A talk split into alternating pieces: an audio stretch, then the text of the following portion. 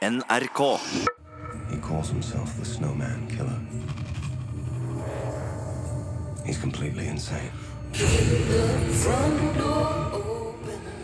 Ja, dette var fra filmen 'Snømannen'. Eh, kollega Kari Nygaard Tvilde, hvorfor hører vi det nå?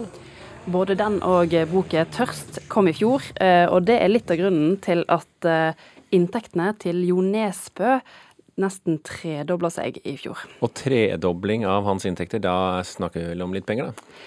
Altså, eh, Selskapet hans, Skriveverkstedet, eh, verkstedet, omsetter for 7,6 millioner i 2015, for 5,9 millioner i 2016, og i fjor 16,1. Så eh, det er den fjerde største inntekten de har hatt siden 1995.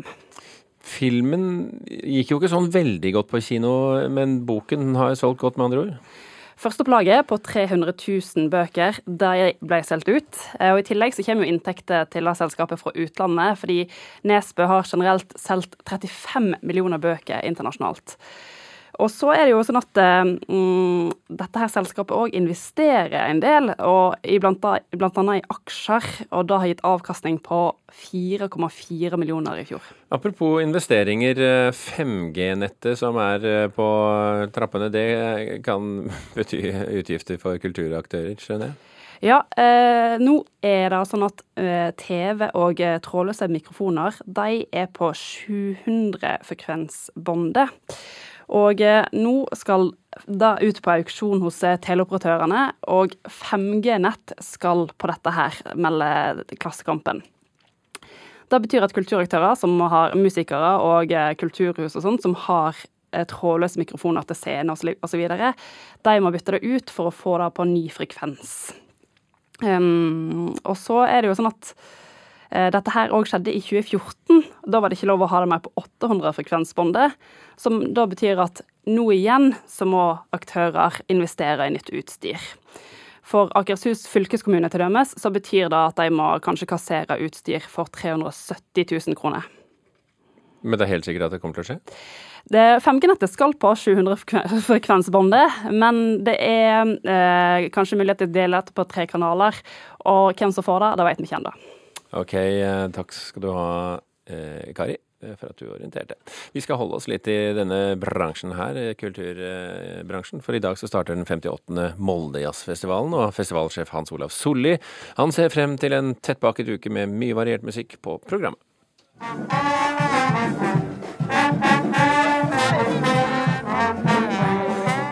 Om noen få timer vil Moldes gater igjen bli fylt med jazzmusikk. Festivalsjef Hans Olav Solli gleder seg til å komme i gang med årets Moldejazz. Det er ikke bare været som er oss, vi har et veldig godt program og et veldig godt forhåndssalg.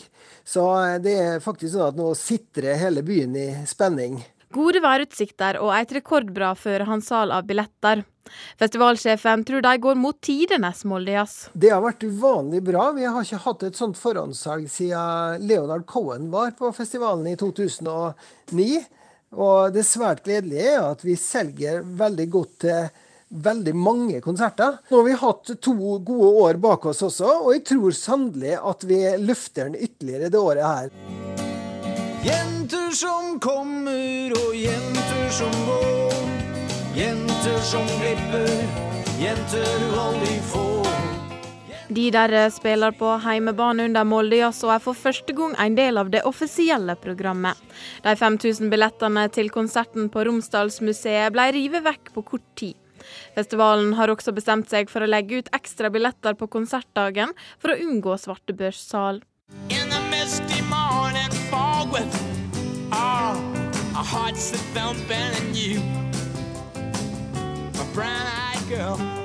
Også konserten med den irske verdensstjerna Van Morrison blir trolig utsolgt. Solli tror det varierte festivalprogrammet er noe av årsaka til den store interessen for årets festival. Det ser ut til at vi har et program som treffer veldig bredt, da, slik at alle finner noe på årets eh, festival som de liker.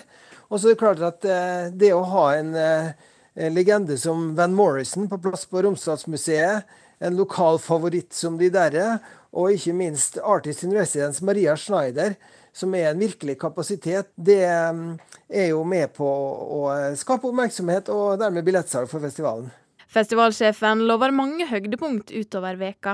Ja, Nå er det jo åpningskonsert i dag, da, og det er jo helt spesielt at Maria Schneider med Ensemble Denada og to spesielle gjester, Donny McCaslin og Jeff Taylor på vokal, skal fremføre den låten, urfremføre faktisk den låten som Maria Schneider skrev sammen med David Bowie for hans siste plate, Black Star. Ellers står jo høydepunktene i kø utover i uka, da.